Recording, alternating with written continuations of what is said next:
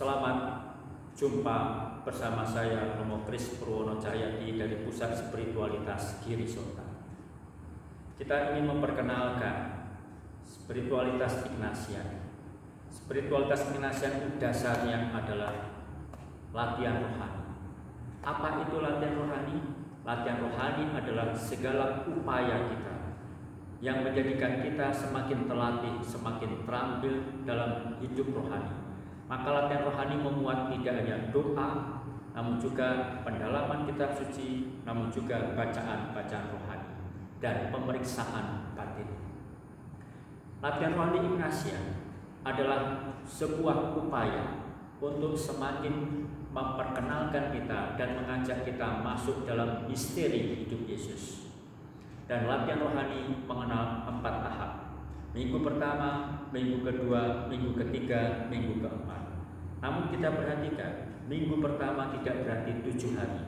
Ini hanya dinamika.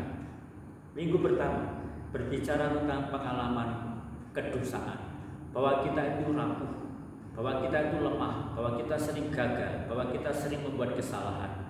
Namun kita diajak tidak berhenti pada rasa salah saja, tidak berhenti pada pengalaman kegagalan saja, tapi mencoba melihat bahwa Tuhan mengajak kita melangkah maju lagi, yaitu panggilan, yaitu kasih. Bahwa betapapun kita itu gagal, betapapun kita itu lemah, namun Allah mencintai kita dan mengajak kita untuk tumbuh, untuk berkembang, untuk tidak menyerah, untuk tidak terpuruk, dan untuk tidak tenggelam di dalam kelemahan dan juga kegagalan kita maka kita diajak di minggu kedua menapaki jalan hidup Yesus. Mulai dari misteri penjelmaan sampai kepada pengalaman minggu malam. Apa yang hendak dikatakan di situ? Kita diajak membangun hidup dan contoh acuan membangun hidup itu tidak lain dan tidak bukan adalah hidup Yesus sendiri. Supaya apa?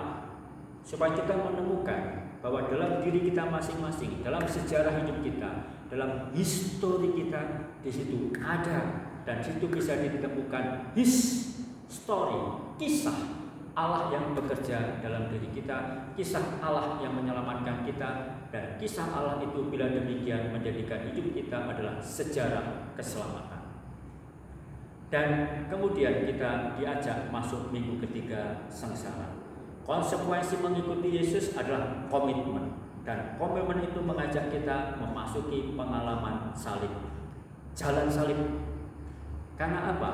Mengikuti Yesus memang seperti itu. Sebagaimana Tuhan mengatakan, barang siapa mengikuti aku harus menyangkal diri, memanggul salib dan mengikuti aku. Tapi salib, penderitaan itu bukan segala-galanya. Salib dan penderitaan membawa kita kepada minggu keempat, yaitu kebangkitan.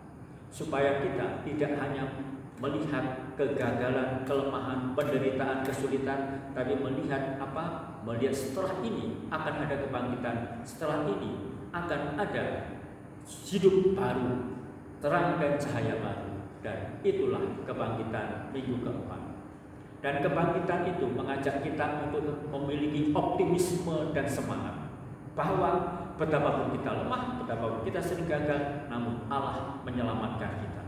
Dan Allah yang menyelamatkan kita mengajak kita supaya kita memiliki mata baru dan hati baru. Dan mata baru dan hati baru itu dalam spiritualitas Ignatia, latihan rohani dikatakan kontemplasi mendapatkan cinta. Apa artinya kontemplasi mendapatkan cinta? Tidak lain dan tidak bukan menemukan di tengah segala yang terbatas, di tengah segala kelemahan, kekurangan, di tengah segala hal yang biasa-biasa saja. Di situ Tuhan ada, di situ Tuhan hadir, dan di situ Tuhan berkarya. Maka dari situ kita mampu belajar menemukan Tuhan dalam segala dan segala dalam Tuhan. Dan kalau kita mampu menemukan Tuhan segala dalam segala dan segala dalam Tuhan, kita akan mampu mengupayakan segalanya hidup kita, keterlibatan kita, dan juga relasi kita, pergaulan kita, tetapi juga pikiran, cara pandang kita, kita arahkan kepada satu hal, yaitu demi kemuliaan Tuhan yang lebih besar. Maka spiritualitas kenasian dalam latihan rohani mengajak kita menampaki hidup kita bersama dan di dalam Tuhan supaya kita mampu membangun hidup kita demi kemuliaan Tuhan yang lebih besar ad majorem dei gloria